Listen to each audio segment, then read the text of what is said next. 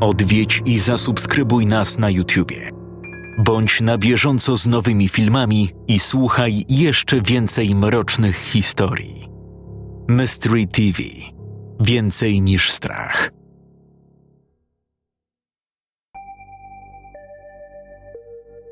Paulina weszła po schodach do głównego holu Pałacu Kultury i Nauki w Warszawie. Rozejrzała się dookoła, spoglądając na różnej maści plakaty informujące o wystawach, banery i tablice z informacjami. To wszystko przypominało im o tym, że jeszcze nie tak dawno to miejsce tętniło życiem. Co prawda teraz też są tutaj ludzie, ale nie oszukujmy się. To zupełnie inna sytuacja.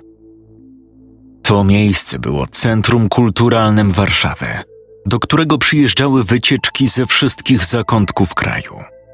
Uczniowie, młodzież, dorośli, którzy chcieli poznać przeróżne tajniki otaczającego nas świata, mieli ku temu okazję właśnie w tym miejscu. Miejscu, które zawsze było tematem wielu debat, sporów i dyskusji. A teraz? Teraz jest to tylko zwykły budynek, nie różniący się niczym od pozostałych. Jest tylko schronieniem dla obecnych tutaj ludzi, punktem orientacyjnym na mapie Warszawy i wspomnieniem dawnych czasów, które w nadziei wszystkich kiedyś powrócą. Z holu skierowała się w stronę windy, która zabrała ją prosto na taras widokowy. Ostatni raz była na nim kilka lat temu, korzystając z okazji zwiedzania jednej z wystaw. Nie mogła odmówić sobie rzucenia okiem na panoramę miasta. Gdy winda zatrzymała się, a Paulina wyszła na taras, natychmiast uderzyła ją niezwykła cisza. Podeszła do barierek, spoglądając na rozpościerający się od lewej do prawej krajobraz stolicy. To miasto w niczym nie przypominało Warszawy, którą pamiętała z ostatniej swojej wizyty. Nie jeździły samochody, nie słyszała klaksonów, ciągłego szumu silników. Nie widziała latających co jakiś czas samolotów. Nie widziała autobusów, tramwajów. Nie widziała ludzi spacerujących chodnikami. Nie widziała niczego poza martwymi ścianami budynków. Tak, martwymi to dobre słowo. Biurowce, hotele, sklepy. Wszystko było opuszczone, świecąc pustkami. Przytłaczający widok, prawda? Paulina wzdrygnęła się na dźwięk głosu Sebastiana. Co prawda to on ją tu wezwał, lecz nie widząc go wcześniej, myślała, że jest jeszcze sama. I to bardzo. Sam nie mogę uwierzyć w to, co się stało. Przychodzę tutaj codziennie. Każdego pieprzonego dnia i patrzę. Patrzę na to, co zostało z mojego miasta i wiesz co? Nie mogę tego zrozumieć.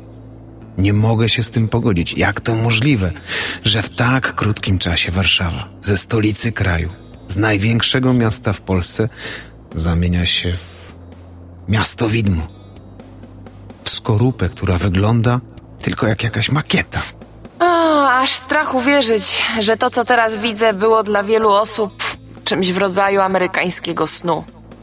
Wyjeżdżali z Różana do Warszawy, bo miało być tu lepiej. Bo tu mieli studia, bo tu mieli pracę, bo tu mieli wszystko. A teraz? Patrząc na ciebie, to nawet w czasach apokalipsy ludzie lgną do Warszawy. To nie było zabawne. Wcale nie miało być.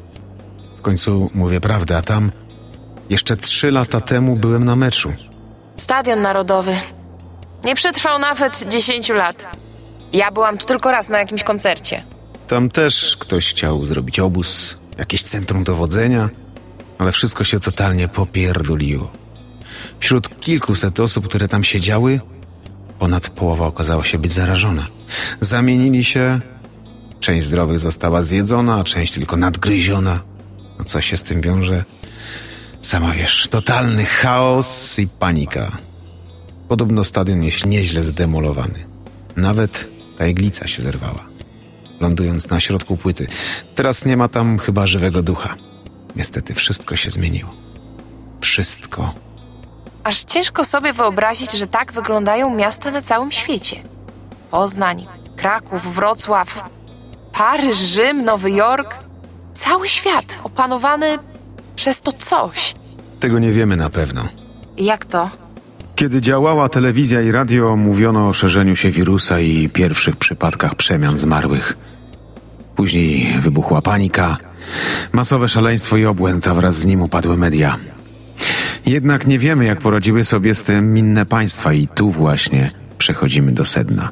Do powodu, dla którego cię tutaj wezwałem. Czyli nie chodziło tylko o wspólne oglądanie panoramy Warszawy? Niestety nie. Ciągle powtarzasz, że chcesz się sprawdzić, że chcesz się na coś przydać, że masz to coś. No to teraz masz swoją szansę. Mam dla ciebie zadanie, które z pewnością będzie wymagało odwagi, sprytu i tego czegoś. Zastanawiam się tylko, czy. Co to za zadanie? Rozumiem, że się podejmujesz. W takim razie już wyjaśniam.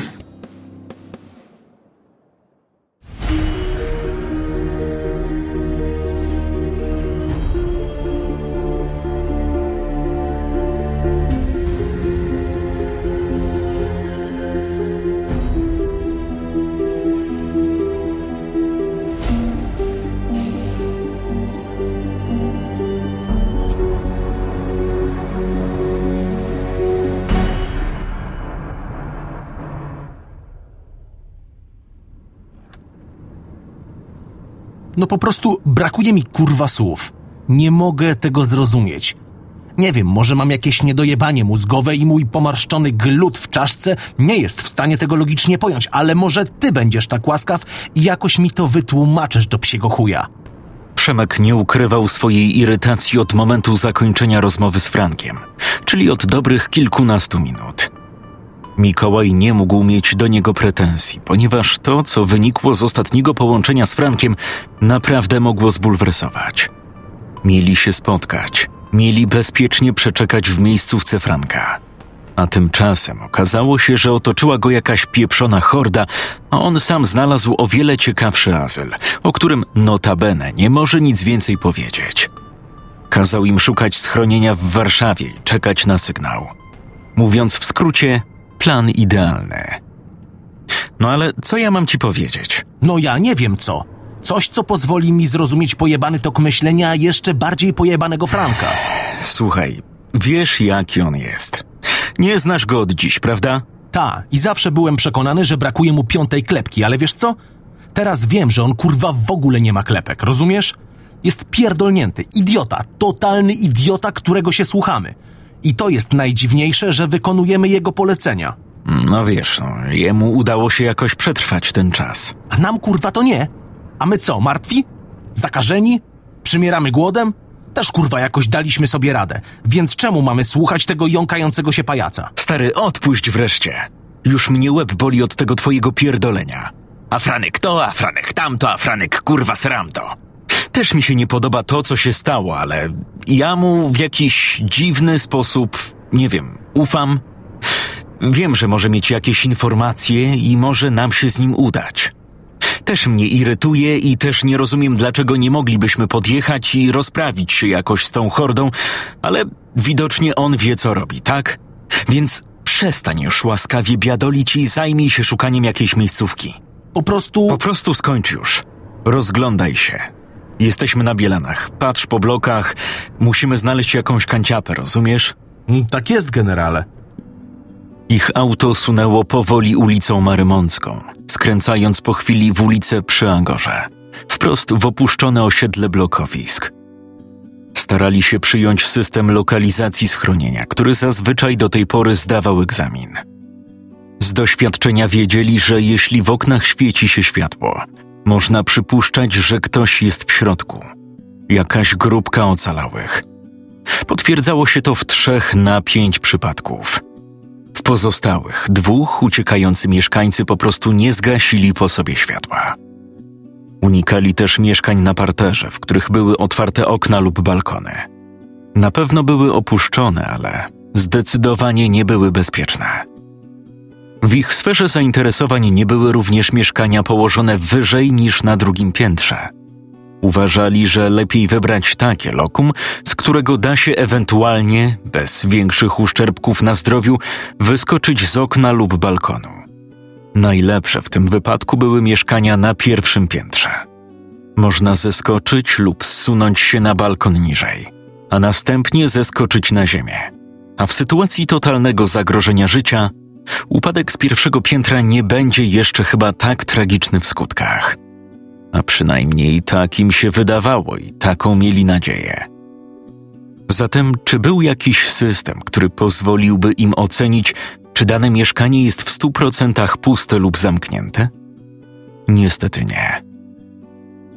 Zatrzymali auto przy jednym z bloków. Przemek zgasił silnik, a następnie zaczęli powoli rozglądać się po okolicy. Lustrowali każde okno, każdy zakamarek, każdy kąt, w którym mogłoby czaić się jakieś zagrożenie. Wokół nich panowała totalna cisza. W otaczających ich blokach nie dostrzegli ani jednego okna, w którym paliłoby się światło. Jak to możliwe, że na takim osiedlu, jak i na wielu innych w całym kraju, nie było nikogo, kto by przetrwał? Otóż, gdy sytuacja w Warszawie, w której początkowo było najwięcej przypadków przemian, zaczęła się pogarszać, rząd poprosił o w miarę możliwe opuszczanie miasta i udanie się do rodzin lub krewnych mieszkających poza miastem. Dziwne zarządzenie. Ale miało to zminimalizować ryzyko kolejnych ofiar. Dlatego ludzie pakowali się i wyjeżdżali, zapominając, że sytuacja w innych miastach wygląda podobnie. Niektórzy potrafili wyjechać na wieś, która w tym czasie stała się istną wioską zombie. Patrząc na to z perspektywy czasu, nie było żadnych konkretnych i sensownych decyzji. Nie podjęto żadnych konkretnych działań. Rząd błądził po omacku, wydając kolejne rozporządzenia i decyzje, kolejne jeszcze głupsze od poprzednich, wykluczające się wzajemnie. Zapadł chaos i dezorganizacja. Ludzie wyglądali niczym szczury w Nowym Jorku. Uciekali gdzie popadnie, nie wiadomo w sumie po co i w jakim celu. Gdyby tylko rząd wspólnie z policją i wojskiem potrafili w jakiś racjonalny i sensowny sposób opracować plan działania i walki z zakażonymi, świat mógłby wyglądać inaczej.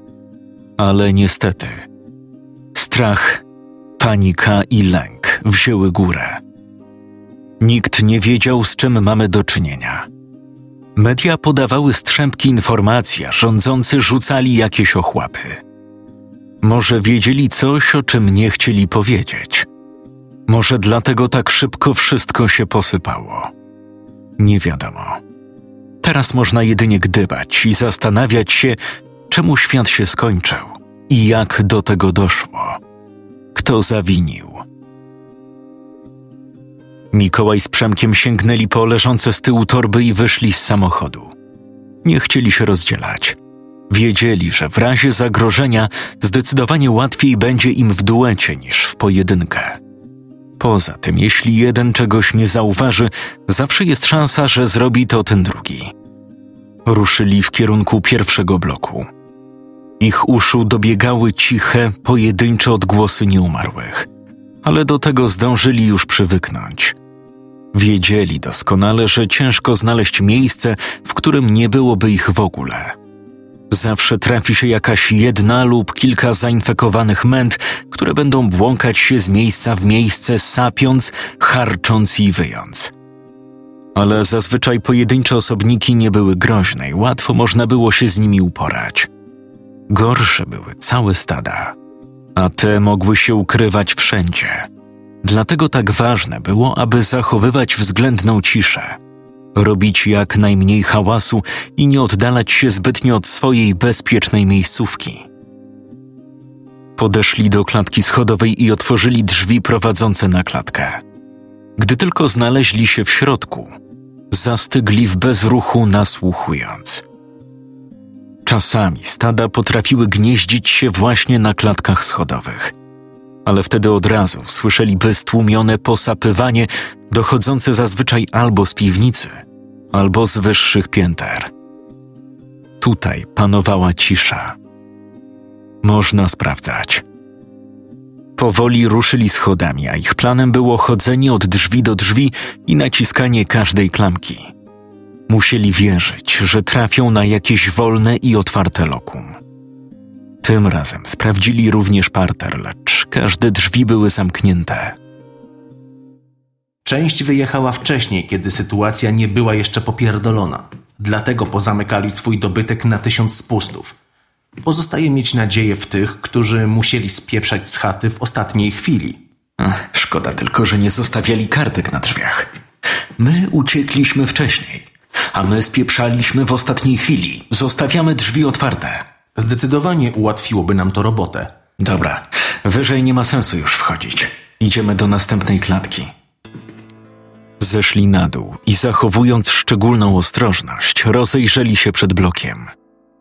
Nie dostrzegając żadnych zmian, ruszyli w kierunku drugiej klatki. Weszli do środka i tak jak poprzednio sprawdzili mieszkania na trzech piętrach. Rezultat w tej i kolejnej klatce był taki sam jak poprzednio. Bez chwili zastanowienia ruszyli do kolejnego bloku. Otworzyli drzwi prowadzące na klatkę schodową. Weszli do środka i stanęli, chcąc wychwycić odgłosy nieumarłych. Nie odnotowując nic, rozpoczęli inspekcję. A jak nic na tym osiedlu nie znajdziemy? O już nie przesadzaj. Jeszcze nigdy nie mieliśmy takiego pecha. Zawsze się coś znajdzie. Parter zamknięty, idziemy wyżej. Pokonali kolejne stopnie i stanęli przed ładnymi, czarnymi drzwiami. Przemek położył rękę na klamce. Nacisnął i No jak żeby kurwa inaczej, zamknięte w pizdu. leć obczaj drugie piętro i najwyżej... Drzwi uchyliły się lekko. Mikołaj spojrzał na Przemka, na którego twarzy malowała się istna mieszanina uczuć. Radość, satysfakcja, strach i niepewność. Unieśli trzymane w dłoniach wiatrówki, które bardziej chyba miały im dodawać otuchy, niż faktycznie pełniły rolę obronną. Nieumarłemu musieli wpakować od trzech do czterech kul prosto w czaszkę i to tylko z odległości mniejszej niż dwa metry. W poważniejszej walce z większą grupą posiadana przez nich broń mogła jedynie bardziej rozzłościć przemienionych. Mikołaj pchnął drzwi, które otworzyły się z towarzyszącym im skrzypieniem. Przekroczyli próg mieszkania, mierząc z wiatrówek niczym agenci Mulder i Scully z archiwum Mix. Mikołaj zajrzał do pomieszczenia po lewej stronie, którym okazała się być kuchnia. Pusto. Przemek w tym czasie wszedł do pokoju po prawej. Sypialnia. Ani śladu żywej osoby. Szli dalej korytarzem. Zostały trzy pomieszczenia. Mikołaj chwycił za klamkę i szarpnął drzwi. W tym czasie Przemek wskoczył do środka, celując z wiatrówki. Łazienka. Również pusta. Kolejne dwa pomieszczenia również nie nosiły żadnych śladów czyjejś obecności. Okazały się nimi pokój dziecięcy, co wywnioskowali po wiszących na ścianach plakatach z Arianą Grande i Justinem Bieberem, leżących na biurku podręcznikach szkolnych i plecakach. Ostatnim pomieszczeniem był przestronny jak na blok salon. Wygodny narożnik, stolik kawowy, lampa i telewizor. Wygląda na to, że jest czysto. Zamknę. Przemek wrócił w stronę drzwi wejściowych i zamknął dwa zamki, dolny i górny. Następnie przeszedł do kuchni, gdzie zajrzał do kilku szafek kuchennych. Chwycił dwie szklanki i wrócił do salonu. Opadł na stojący obok narożnika fotel. Rozsunął plecak i wyjął z niego butelkę Jacka Danielsa. Uf, no to nam się udało. Całkiem sprawnie nam poszło to szukanie miejscówki. No, A ty co tak wyglądasz przez to okno? Chcesz, żeby nas ktoś zauważył? No właśnie ja próbuję to zrobić. Próbuję zobaczyć cokolwiek. Dostrzec coś, co pozwoli nam wierzyć, że nie jesteśmy jedynymi żyjącymi w okolicy. I co ci to da? Szukasz nowych znajomości? Klepnij sobie na kanapę, weź whiskacza, zrelaksuj się. Przekoczujemy tutaj dzień, może dwa. Potem, miejmy taką nadzieję, odezwie się ten Franek dzbanek i może raczy łaskawie nas poinformować, o co mu chodzi. może masz rację. No, to zdrowie. Oby nam się wszystko kurwa udało. I oby ten warszawski dzban krótkofalarski nie wydymał nas bez mydła. Oby. Ua, ale mi tego brakowało, stary. Ła. Ale to było dobre. O, no troszkę zdezynfekowało gardełko, to fakt. Jedziemy na drugą nóżkę. O, w takim tempie napierdolimy się raz dwa. Nie przesadzaj. Fakt, że nie piliśmy w chuj czasu, ale nie rób z nas totalnych lamusów. Zdrowie. Zdrowie. Ua. Dobre. Pamiętasz jeszcze, jak to było, zanim się wszystko spierdoliło? Aż za bardzo. Niektóre rany chyba nigdy się nie zagoją. No to tak jak u mnie. Cały czas myślę o Agacie. Zastanawiam się, czy mogłem coś zrobić. Wiesz, że nie mogłeś. Pracowała w szpitalu. Doskonale wiesz, co tam się stało. No wiem. A przynajmniej tak myślę, że wiem. Podobno do szpitala trafiła spora grupa osób zakażonych tym gównem. Obserwowali ich. Niby wszystko było pod kontrolą. Wszystko miało być ok. Pracownicy mieli być bezpieczni, nikomu miał nie spaść choćby włos z głowy. I co? Ktoś ich zostawił. Nikt ich nie pilnował. Zorientowali się, gdy zakażeni weszli na oddział, wgryzając się w każdego napotkanego pacjenta albo lekarza. Zanim na oddziale zorientowali się, co się dzieje, z dziesięciu zakażonych zrobiło się pięćdziesięciu. Nie zamienili się od razu, ale wszyscy wiedzieli, że to w końcu nastąpi. Powiadomili policję i wojsko. Liczyli na jakąś pomoc. I co dostali? Wojsko owszem przyjechało. Zamknęli ich w środku bez możliwości wyjścia. Zabarykadowali drzwi, okna. Podobno mówili, że wszystko będzie dobrze i muszą ich tu zatrzymać na kilka godzin. Dyrekcja szpitala nawet wyraziła na to zgodę. Odizolowali się od chorych, licząc, że im się uda. Agata pisała mi SMS-y, że że jest wraz z innymi zdrowymi na oddziale i czekają na pomoc. To był ostatni SMS. A potem spalili ich. Spalili ich żywcem, rozumiesz? Wszystkich. Zakażonych, zdrowych. Spalili cały pieprzony szpital. Może mieliśmy szczęście. Może powinniśmy się cieszyć, że nadal żyjemy. I co z tego mamy? Straciliśmy wszystkich bliskich. Zadowolony jesteś z tego, że, że tkwisz w tym pieprzonym gównie razem ze mną i nie wiesz, co nas czeka choćby jutro? Może wolałbyś zginąć razem z Martą? Nigdy nie będę w stanie zapomnieć o tym, co jej się stało. Zawsze będę też myślał, że mogłem coś zrobić. Że mogłem w jakiś sposób ją powstrzymać, aby nie jechała wtedy do siostry.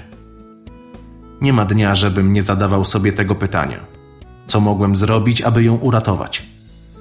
I wiesz, do jakiego wniosku dochodzę? Nic. Nie mogłem zrobić nic. Przyjechała tutaj do Warszawy po swoją siostrę. Chciała zabrać ją do nas, do Olsztyna. Przepadła jak kamień w wodę. Przestała odbierać telefon. Do jej siostry też nie mogłem się dodzwonić. Chciałem tu przyjechać, rozejrzeć się, poszukać jej, ale wtedy wszystko się spierdoliło. Po prostu musiałem pogodzić się z tym, że już jej nie zobaczę. Rodzice błagali mnie, abym nigdzie się nie ruszał. Nawet rodzice Marty byli temu przeciwni. Wszyscy uznali, że już po nich. Teraz nie mam nikogo. Rozumiesz? Nikogo prócz ciebie. Ty i ten niedojebany Franek Dzbanek jesteście wszystkim, co w tej chwili mam. Brakuje mi rodziców. Brakuje mi cholernie Marty. Ale cieszę się, że żyję. Cieszę się z każdego pieprzonego dnia i wiesz co? Mam nadzieję, że uda nam się. Że znajdziemy miejsce, które będzie w miarę normalne. Że znajdziemy jakiś azyl i że w końcu ten zasrany horror się skończy. Że będziemy mogli znowu prowadzić normalne życie. Nawet nie wiesz, ile bym dała, by cofnąć czas. Aby móc przeżyć raz jeszcze choć jeden dzień sprzed pandemii. Jeden. Poczuć to, co kiedyś. Martwić się tym, czym martwiłem się kiedyś. Pokłócić się z żoną o byle gówno. Spotkać się z rodzicami. To już jest przeszłość. To był inny świat. Tamte dni już nie wrócą, ale nie pozwólmy, aby nasza przyszłość była skreślona. Niech będzie. Zawalczmy jeszcze o odrobinę normalności. Za normalność i za przyszłość. Za przyszłość. Kurwa! W tym momencie do salonu wpadł przemieniony. Pojawił się tu nagle, jak diabeł z pudełka. Mikołaj zdążył dostrzec, że jest to dziewczyna. Rzuciła się na Przemka, który upuścił trzymaną w ręku szklankę. Ta upadła na podłogę, nie rozbijając się. Mikołaj zerwał się na równe nogi, wyjmując z zapaska wiatrówkę. Dziewczyna chwyciła Przemka za ręce. Chłopak z całych sił próbował utrzymać ją na dystans, lecz zdziwiła go jej nadnaturalna siła. Szarpała się, chcąc ugryźć go za wszelką cenę. Mikołaj celował w jej głowę, lecz ogólna szamotanina sprawiała, że nie był w stanie utrzymać celu dłużej niż sekundę. Nie mógł strzelać, bo było duże prawdopodobieństwo, że oberwałby Przemek. Zjechał lufą nieco niżej, wystrzelił w plecy dziewczyny.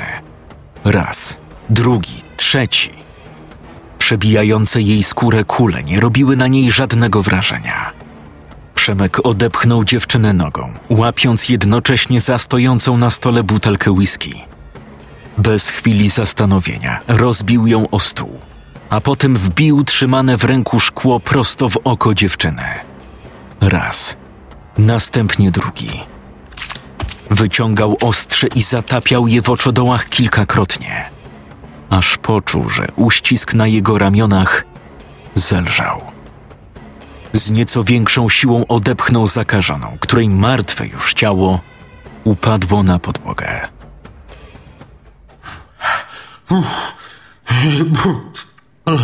Kurwa jebana mać. Pierdolona dziwka. Skąd ona się tu wzięła? Musiała być gdzieś, gdzie jej nie widzieliśmy. W szafie, pod łóżkiem. Kurwa, zmarnowałem przez nią całą butelkę whisky. Co za szmach. Spokój się i nie drżyj tak mordy, bo zaraz może zleci się tu cała zgraja tych popierdoleńców. Skąd wiesz, czy nie siedzą w innych mieszkaniach wyżej? O Jezu, spójrz. Boże, przecież to jeszcze dziecko. Pewnie była córką tych, co tu mieszkali. No i pewnie cały czas siedziała w swoim pokoju. Tylko gdzie? Ile ona mogła mieć lat? Jedenaście? Góra dwanaście. Teraz to bez znaczenia, ile miała lat. Była jebanym zombie, które chciało mnie dopaść. Ma szczęście, że na nas trafiła. Na pewno już jest w o wiele lepszym i spokojniejszym miejscu. Oby. Sprawdźmy jeszcze dla spokoju każdy zakamarek tego mieszkania. Lepiej mieć pewność, że Słyszałeś? tak. To chyba na klatce schodowej. No to zajebiście, chyba mamy towarzystwo. Zamykałeś drzwi? Na 100%. Dobra, zamknijmy mordy i udawajmy, że nas nie ma. Zgaszę światło. Po prostu zaczekajmy. Na pewno to coś, czymkolwiek jest, zaraz stąd pójdzie. O kurwa. Coś wchodzi po schodach. Pewnie jeden zakażony. Nie jest to raczej cała horda. Coś cicho jak na zakażonego. Kurwa, jest chyba pod drzwiami. Zamknij się i ani.